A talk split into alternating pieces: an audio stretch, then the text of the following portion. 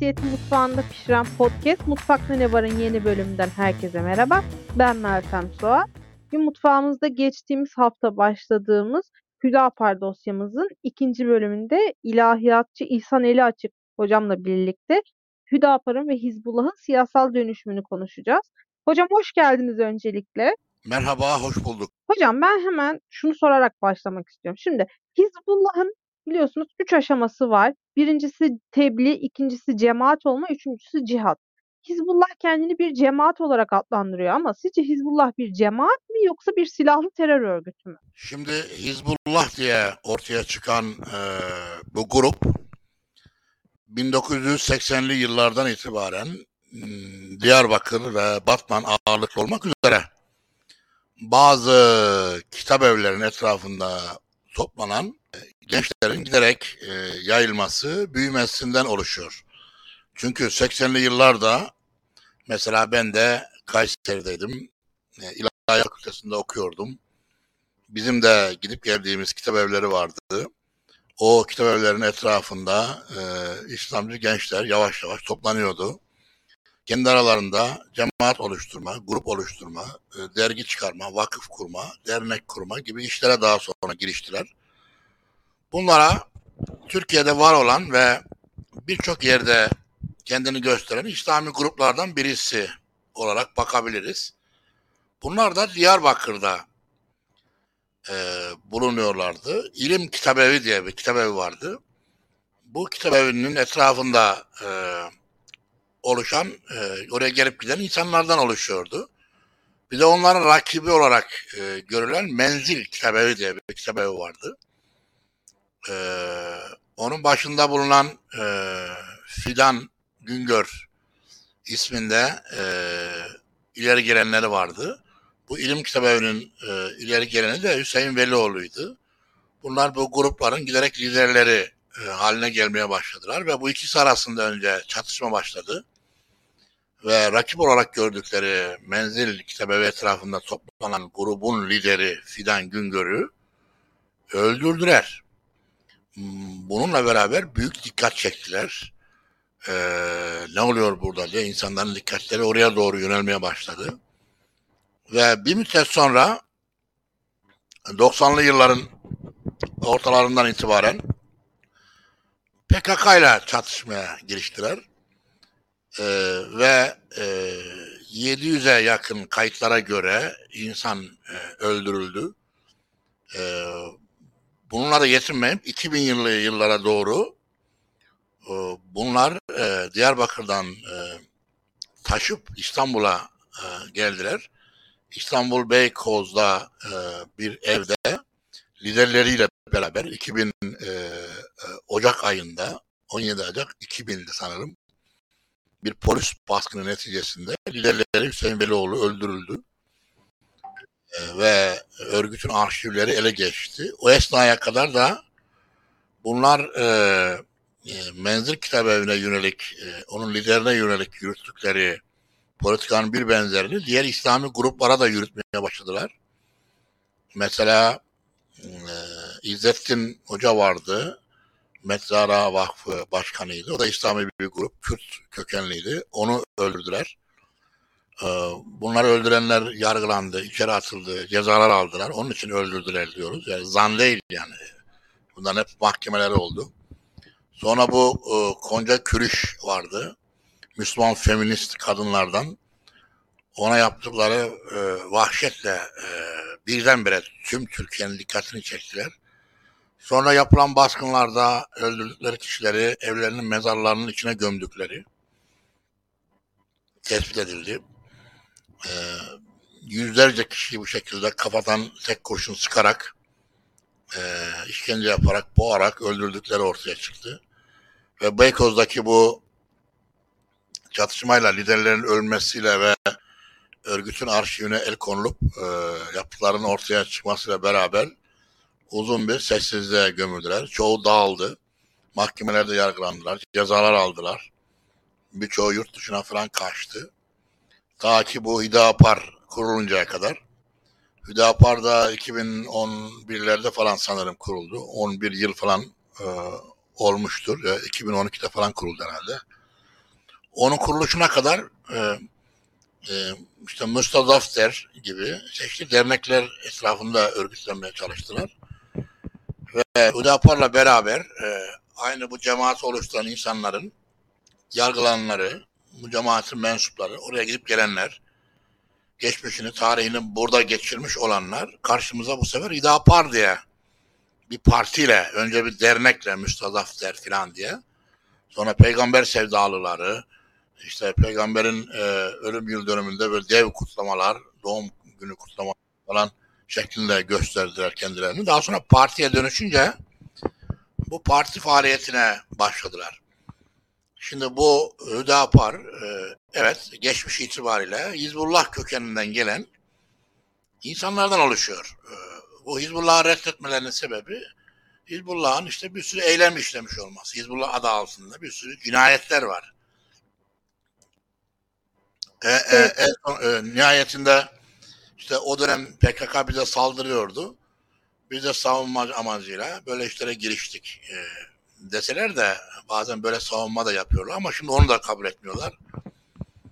Yani Müslüman e, kanaat önderlerine yöneldiler. E, Gonca Kuruş gibi, İzzettin Hoca gibi insanları da öldürdüler. Daha listede bir sürü insan var. Sırayla hepsini yavaş yavaş e, böyle kabus ve korkulu dolu anlar yaşattılar. Ve bunların hesabını mahkemelerde verdiler ama e, kamuoyuna yönelik bir hesap verme işine girmediler. Biz haklıydık. Dönem öyle gerekiyordu. Yaptık falan dediler. Şimdi Hiz- e, Hüdapar'a dönüşünce de hala e, Hizbullah terör örgütü değildir diyorlar. Hayır, Hizbullah teröre bulaşmıştır. Önce terör örgütü olarak başlamadı. Böyle sivil tebliğ yapan bir cemaat, bir grup olarak başladı. Ama bu PKK'nın e, la girdikleri silahlı mücadele neticesinde elleri silaha değdi. Sonra ona alıştılar mıdır nedir veya onun e, korku yaratan gücünü keşfetmiş olmalılar ki sadece onunla yetinmeyip başka alanlara da e, yöneldiler. E, mesela bu e, Gonca Kuruş cinayetinin açıklanabilir hiçbir tarafı yok. İzzettin Hoca'nın da öyle. Hiçbir mazereti yok ve bunları öldürdüler. Ve böyle bir sürü insan var yani.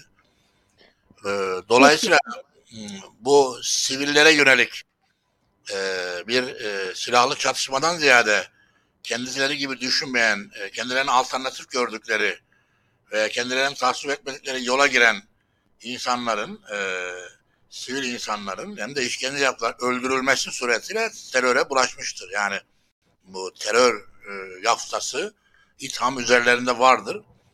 Hüdapar bundan açıkça reddetmiyor. Geçmişi bıraktık demiyor. O gömleği çıkardık. O zaman öyleydi ama şimdi onları reddediyoruz. Lanetliyoruz. Biz yeni bir hareketiz. Evet onların içinden çıktık ama e, şiddete bulaşmayan bir siyasal partiyiz artık falan da ben dediklerini duymadım. Böyle mırın kırın ediyorlar yani böyle tam böyle ne kabul ediyor ne kabul etmiyor böyle. O şekilde gidiyorlar ve yanlış yapıyorlar. Böyle oldukları sürece de bu ithamlardan kurtulamayacaklar. Hocam e, şimdi e, Hüda Hizbullah özellikle Batman'da çok aktifti 90'larda. Evet PKK ile mücadele ediyoruz e, kılıfına uydurarak insanlara saldırıyorlardı. Ben şunu merak ediyorum. Mesela e, Türkiye'de çok fazla tarikat ve cemaat var ama bunların hiçbiri silahlı e, mücadele içerisine girmedi. Silahlı eylemde bulunmadı. E, Hizbullah ise tamamen başladığı günden beri silahlı eylem yapmaya yönelik bir örgüttü. Birincisi neden sürekli silahlı eylemler içine girmek istedi? Diğer cemaatler o silahlı eylemlerden uzak dururken. İkincisi e, biliyorsunuz doğuda da menzilciler var. E, onlar da hani PKK'nın aktif olduğu bölgelerden birinde faaliyet gösteriyorlar. Menzilciler bu kadar hani e, silahın terörün içine girmezken neden Hüdapar özellikle e, Hizbullah özellikle Batman'da aktif oldu ve neden bütün e, işkencelerini domuz bağıyla yapılıyor? Domuz bağının özel bir anlamı var mı onlar için? Şimdi Hizbullah ortaya çıktığında ilk olarak e, silahlı bir örgüt olarak çıkmadı. Kendisini silahlı bir örgüt olarak duyurmadı. Dediğim gibi ilim kitabı evi vardı. Onun çevresinde dolaşan Müslüman gençler, İslamcı gençler, Kürt İslamcı gençlerden oluşuyordu. Böyle e, şehadet marşları diye böyle çok marşlar falan bestelerlerdi. yazılı kaynak fazla tutmazlardı. Ee, böyle e, ölenler için böyle şehadet marşlarıyla e, çok tanınıyorlardı. Bu yayılıyordu etrafa. Ee, uzun bir süre silahlı eylemlere falan girişmediler. Ama bu PKK meselesinden dolayı yani PKK bize saldırıyor, kendimizi savunmamız lazım diyerekten PKK'ya cevap vermeye başladılar ve bir takım PKK'lıları e, arkadan tek kurşunla öldürmeye başladılar. Ve bu e, büyük boyutlara ulaştı. Yani kayıtlara göre 700'e yakın e, insanın e, ölümünden mesul tutuluyorlar. Bu sadece PKK'lılar da kalmadı dediğim gibi biraz önce. İş taştı ve diğer İslami gruplara da sirayet etmeye başladı. Şimdi bunu niye yapıyorlar? Ellerine silahı neden aldılar? İlk e, gerekçeleri kendini savunmak için. E, işte PKK bittiği zaman o zaman bitirmen lazım. Niye? Diğer e, Konya Kuruş'u niye öldürüyorsun mesela? İzzettin Hoca'yı niye öldürüyorsun? Niye dini cemaatlere saldırıyorsun falan? Onun bir izahını yapamadılar. E, domuz bağı e, niye giriştiklerini onlara sormak lazım. Ben bilmiyorum. Bununla ilgili bir açıklamalarını duymadım. Ama e, böyle içe kapalı bir tarzları vardı. Böyle gazetecilerden, meşhurlardan, ünlülerden, televizyonlarda konuşanlardan pek haz etmezlerdi. Ee, kendilerini böyle gizli tutarlardı. Açığa çıkmazlardı. Karanlık odalarda, dehlizlerde böyle yer altında giden e, fakat e, silahın verdiği e, korkutucu güçle e, her şeye kendilerinin hakim olduğunu böyle e, entel, boş boğaz, e, yazar, çizer tayfası falan diye böyle çok bilinen, tanınan, ortalıkta konuşanları böyle aşağılarlardı sürekli olarak. Onlarından, onlara yönelik de bir e, ne diyelim, e, gıcıklıkları diyelim, bir istemezlikleri söz konusuydu. Ve e, kendilerince böyle yer altında bir e, tarz oluşturmuşlar. Zaten onların liderleri e, Edip diye bir liderleri vardı. Bir de İsa diye birisi vardı. Mesela onları tanıyorum ta 80'li yıllardan. Ben o zaman Kayseri'deydim. O, bu liderlerini de tanıyorum. Hüseyin Velioğlu. O zaman o da Kayseri'ye gelmişti. Bir yerde oturmuş çay falan içmiştik. Ama o zaman böyle bir Hizbullah terör örgütü falan diye bir şey yoktu. Böyle ilim kitabı etrafındaki bazı İslamcı gençler falan olarak görünüyorlardı. Böyle genellikle İslamcı kitap evleri etrafında toplananlar birbirlerini ziyaret eder. Geçerken uğrar falan. Tanış, tanışırlar. Ben de o kabilden onları tanıdım yani. E, fakat şu anda e, Velioğlu öldürüldü. Öbür Edip ile İsa birisi İran'da, birisi Almanya'da herhalde kaçtılar. Birkaç kişi daha var. Onlar şu anda Türkiye'de değiller. Diğer daha alt seviyede olanlar, e, daha sonraki yıllarda ortaya çıkanlar, onlar götürüyor şu anda. Tam avukatlıklarını yapan, e, işte şu anki Hüdapar lider, onların avukatıydı Hizbullah'ın davalarında. Şimdi genel başkan olduğu Hüdapar'ın. Öyle devam ediyorlar. Dolayısıyla böyle bir e, işkence yapmak gibi, e, domuz bağı gibi, e, öldürdüğü kişi, öldürdüğü evin, yaşadığı evin içinde mezara gömmek gibi tuhaf ve ürkütücü e, tarzları var. Bunları niye yaptıklarını ben tam bilmiyorum. Ama bunları yaptılar yani sonuç itibariyle. Hocam peki e, şimdi bunların yaptığı İzzet Hoca'nın öldürülmesi, Konca Kuriş'in katli gibi eylemler ve diğer Batman'da başörtüsü takmayan kadınlara yönelik kezzap atma gibi eylemler Hizbullah'ın İslamiyet içerisinde kurduğu bir enginizasyon mahkemesi mi? Yani kendilerinden olmayan her şeyi bu yöntemle mi savaş açıyorlar? Şimdi o zaman öyleydi ama şimdi e, öyle öyle o tarzı devam ettiriyorlar mı bilmiyorum. Ama kafa yapısı itibariyle klasik İslamcı bir kafa yapısına sahiptiler. E, Batman ve Diyarbakır'da olmaları sebebiyle bölgenin e, gerilim içinde e, hassasiyeti ve e, PKK ile devlet arasında yürütülen silahlı mücadelenin yarattığı gerilim ortamından da yararlanarak daha da radikalleşip daha da böyle silahlı eğilimlere teşne hale geldiler. Zaten kafa yapısı itibariyle dini anlayışları şu anda bile e, tam değişmiş değil. E, böyle radikal İslamcı e, Sünni Taliban'ın veya IŞİD'in bir iki gömlek gerisinde duran bir çizgileri var.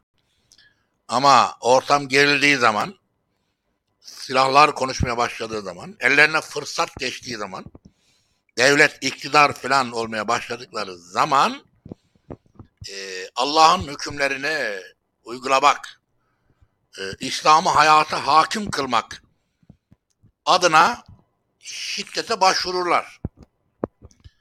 Yani namaz kılmayanların kırbaçlanması, e, oruç tutmayanların, başını örtmeyenlerin cezalandırılması gibi hükümler mezhepli hükümlerinde var. E, İslam tarihi kitaplarında var. Kur'an'da yok. Ama bunlar tarihsel kaynaklarda var. Şimdi onlar da ona bakarak İslam'ın gereği buymuş diyerek Allah'ın hakimiyetini sağlıyoruz. İslam hayatı hakim kılıyoruz diyerek ellerine fırsat geldiğinde bütün kadınların örtünmesini talep edip bunu dayatabilirler. Çünkü Taliban yapıyor. İşit yapıyor. Mısır'daki İhvan-ı Müslümin 50 yıl muhalefette kaldı. İktidara geldiğinde 3. ayında 9 yaşındaki kızların evlenilebileceğine dair kanun çıkarmaya kalkıştı. Dolayısıyla şu anki gerek Mısır'daki İhvan-ı Müslümin, gerek Türkiye'deki tarikatlar, cemaatler, İslamcı taban, bu Hizbullah e, gibi gruplar, İran'daki bazı Şii gruplar, Suudi Arabistan, e, Irak ve Suriye'de IŞİD, Afganistan'da Taliban, bunlar geleneksel, tarihsel İslami kaynaklardan beslendikleri için Kur'an'la esastan ve temelden yüzleşmedikleri için eski İslam kültürünün verileriyle hareket ettikleri için anladıkları İslam bu. Geldikleri Peki. zaman yapacakları bu. Aşağı yukarı bu. Yani kafa böyle çalışıyor. Mesela Ee, ben de bir İslamcı kökten geliyorum. Ben de Kur'an-ı Kerim tefsir ve meali yazdım. İlahiyat Fakültesi'nde okudum. İslamcı geçmişim var, evet. Hala bana İslamcı denebilir mi? Evet denebilir ama ben özgürlükçü, eşitlikçi, antikapitalist bir Müslüman olarak kendimi tanımlıyorum. Bu İslamcının bir yerine oturuyorsa oturuyordur. Ama onlar gibi düşünmüyorum. Yani bütün bunlar yanlış. Bu hilafet, saltanat, namaz kılmayana kırbaç, insanları zorla başını örttürme, din devleti kurma, İslam devleti anlayışı külliyen yanlış. Ben bunların hepsiyle çoktan yüzleştim. İslam'da asıl olan bunlar değil. İslam'ın öngördüğü şey bana göre insan haklarına dayalı demokratik cumhuriyettir. Bunu geliştireceğiz ve ilerleteceğiz. İslam'a uygun olan da budur. Bunları delilleriyle, kanıtlarıyla onlarla tartışabiliriz ama bir muhatapta olmuyoruz. Yani ne sordukları var, ne ettikleri var. Böyle körü körüne gidiyorlar. Peki hocam şimdi Hü- Hüdapar, Hizbullah daha doğrusu neden siyasete girmeyi tercih etti?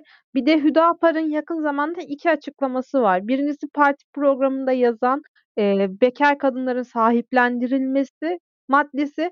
Bir de e, Hüdapar Kadın Kolları Başkanı dedi ki aslında biz kadınların çalışmasını doğru bulmuyoruz. Kadınlar e, naziktir, e, narindir. O yüzden mecbur kalmadıkça bize göre çalışmasınlar dedi. Bunlar tamamen onların inandığı fıkıhtan mı geliyor? Yani İslamiyet'te ben bildiğim kadarıyla bekar kadınların sahiplendirilmesi gibi bir şey Kur'an-ı Kerim'de. Sizce var mı? Bir de neden siyasete girip ön planda tercih olmayı tercih ediyor? Böylesine karanlık bir geçmişte olan bir örgüt.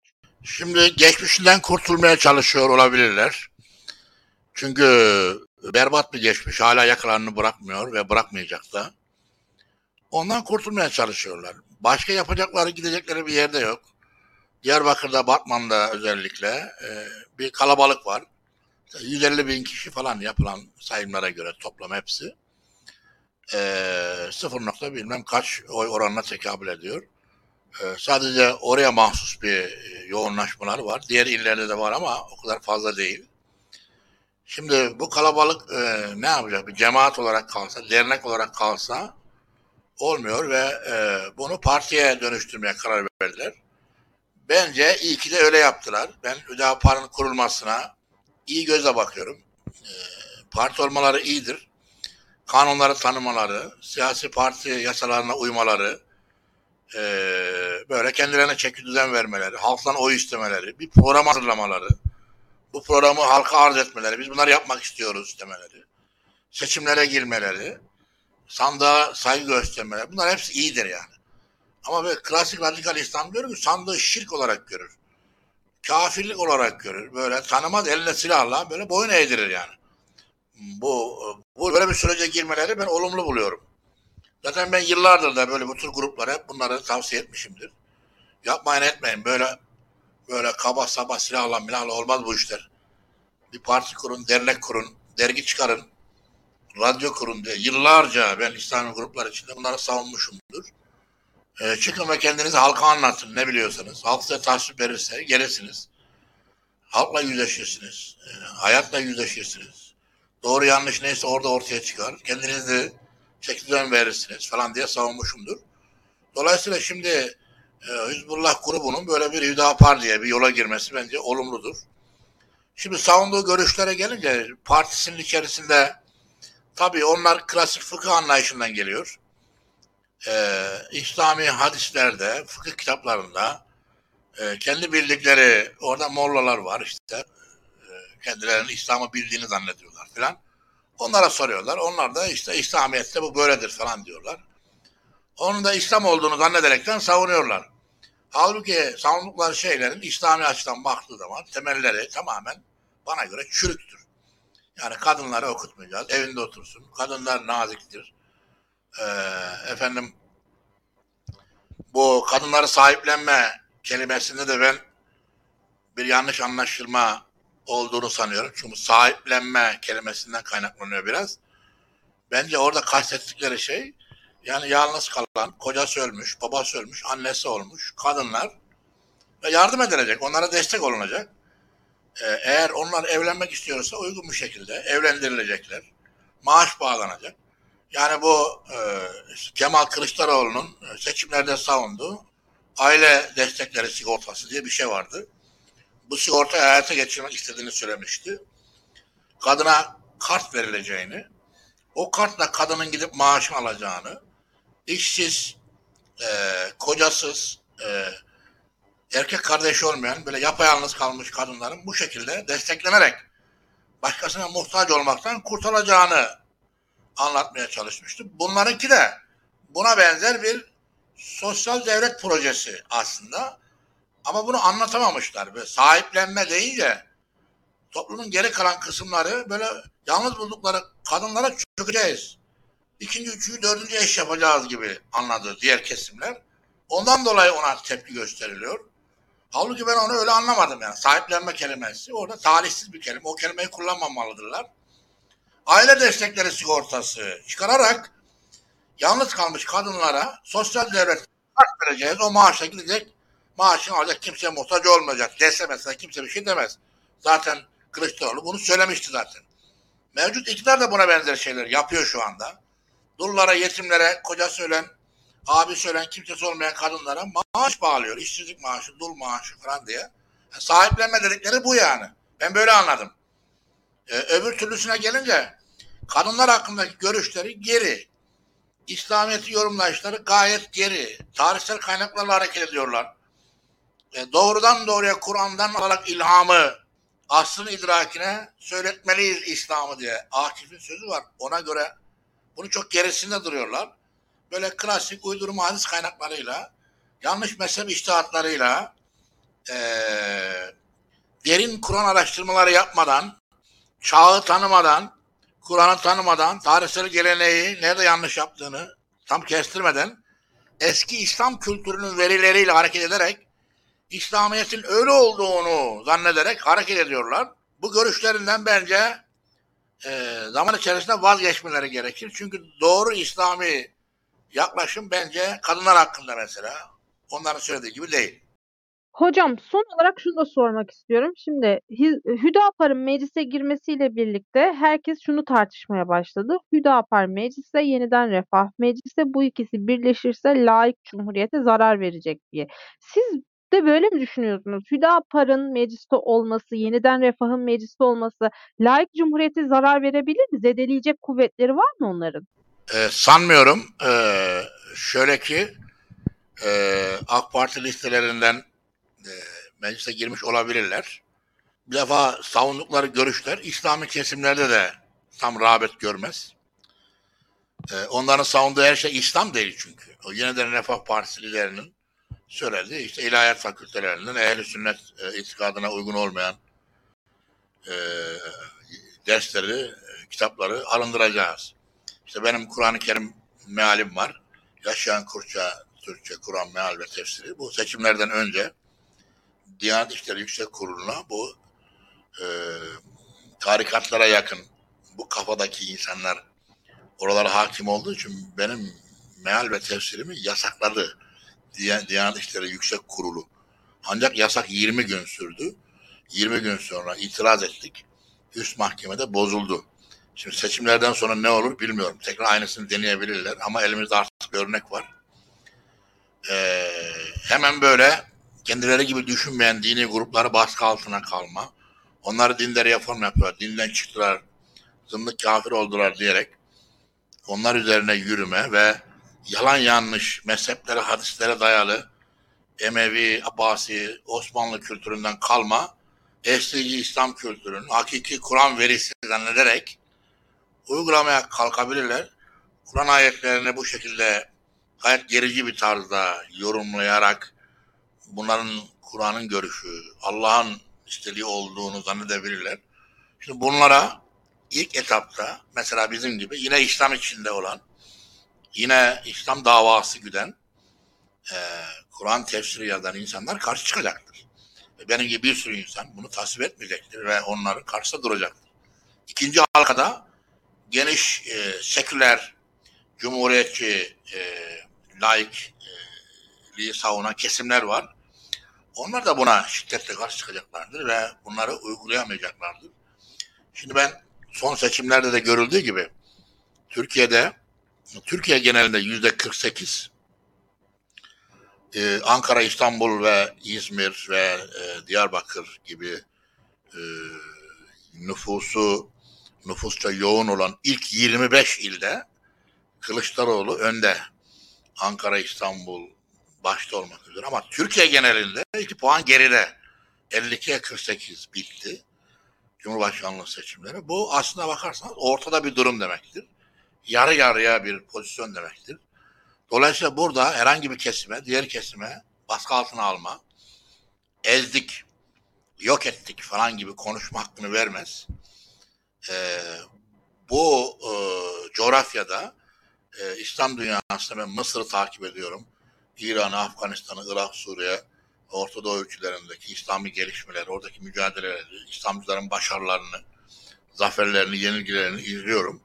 Türkiye'deki gibi böyle yüzde 48, yüzde 50'lere varan bir oranda e, dilenen seküler e, bu İslamcı grupların e, iddialarına karşı direnen bir İslamiyet'e karşı değil, İslamcı grupların gerici yorumlarına karşı direnen başka bir kesim oy oranı İslam dünyasında yok. Bu sadece Türkiye'de var. Yüzde 50'ye yakın bir oran direniyor. Dolayısıyla bu oran çok güçlü bir oran. Çok güçlü bir kesim. Zaten neredeyse ramak kaldı. Yani ipten döndü veya kıl payı kurtuldu diyebiliriz Cumhurbaşkanlığında Erdoğan'ın. Ve beş yıl süreceğini de sanmıyorum ben. Kısa sürecektir. İşte böyle bir ülkede e, yeniden Refah Partisi ve Hizbullah'ın savunduğu tarzda e, gerici dini yorumlar tutmaz. Yürütemezler, çıkaramazlar. Ve bunların da e, demokratik layık cumhuriyete e, kökten sarsacağını böyle bir tartışma falan yaratılabilir tabii. Mesela yemin töreninde yemin etmeyecek falan filan. Bunlar tartışmaya neden olacaktır ama böyle temelden değiştirici bir etkileri olmaz diye düşünüyorum. Peki. Hocam çok teşekkür ederim konuk olduğunuz için. Çok keyifli bir sohbet oldu. Tamam teşekkür ederim size de hayırlı yayınlar. Toplumsal cinsiyeti mutfağında pişiren podcast Mutfakta Ne Var'ın bir bölümün daha sonuna geldik. Mutfakta Ne Var'ın geçmiş bölümlerini yeniden dinlemek ve yeni bölümlerinden haberdar olmak için bizleri Spotify, iTunes ve Google Podcast kanallarımızdan takip edebilirsiniz. Ayrıca Daktilo 1984'ün diğer içerik ve yayınlarına göz atmak için web sitemizi ziyaret etmeyi ve YouTube kanalımıza abone olup katıl butonuna tıklayarak bizleri desteklemeyi unutmayın. Hoşçakalın.